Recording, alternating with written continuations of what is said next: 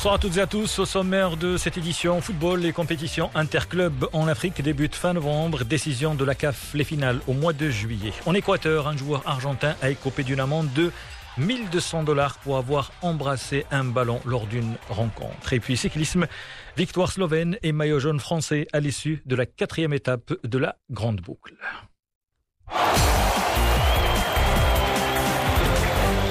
La Confédération africaine de football a arrêté le calendrier de la Ligue des champions et la Coupe de la CAF, la Coupe de la Confédération.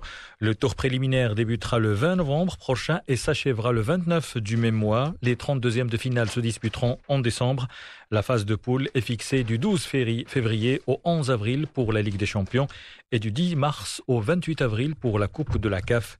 Les fédérations ont du 1er septembre au 20 octobre pour inscrire leur club. La finale la Coupe de la CAF le 10 juillet, la finale de la Ligue des champions sept jours plus tard. En Algérie, Bernard Cazouni est devenu le nouvel entraîneur du Mouloudia d'Oran. Le technicien français a signé un contrat d'un an.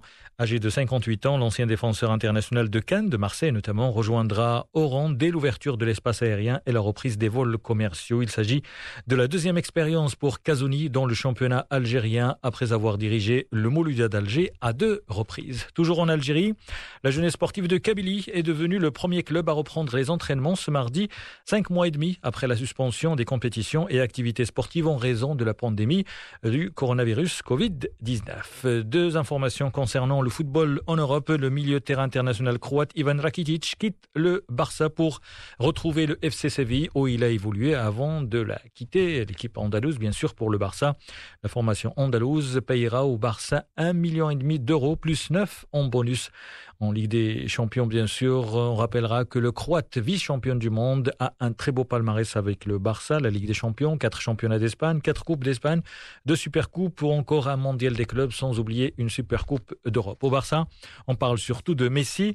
C'est toujours bloqué. L'international argentin veut partir et ne s'entraîne pas avec ses coéquipiers. En Allemagne, le club de Leipzig a reçu l'autorisation préalable des autorités d'accueillir 8500 spectateurs pour son premier match de Bundesliga contre Mayence. Ça sera le 20 septembre, une première depuis l'interruption des compétitions du championnat en mars.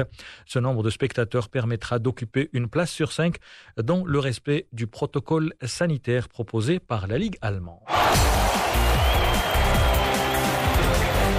Embrasser un ballon avant de tirer un penalty, un coup franc ou un corner, embrasser un ballon donc fait partie de ces gestes qu'on avait l'habitude de voir sur un terrain de football par ces temps de pandémie. Cela est devenu prohibé pour des raisons d'hygiène. L'Argentin Sergio Lopez en a fait les frais. Le week-end dernier, le joueur d'Ocas, équipe équatorienne, a embrassé le ballon pendant la rencontre. Mal lui en a pris.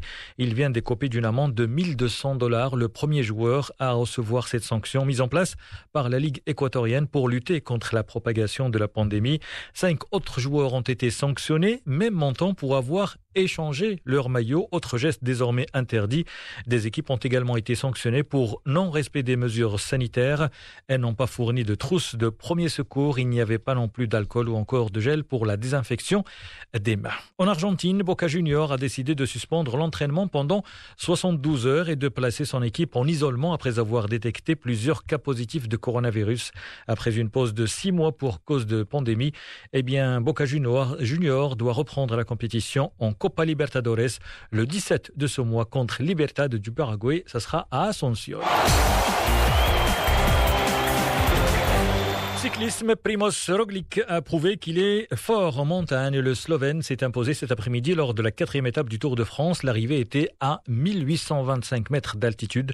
Victoire au sprint pour le récent vainqueur de la Vuelta, le cycliste de 28 ans.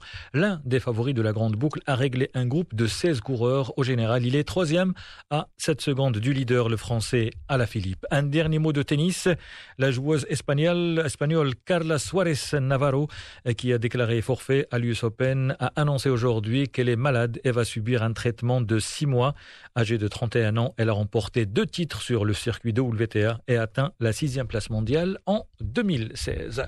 C'est la fin de cette édition. Merci de votre fidélité. Excellent début de soirée à l'écoute de Média.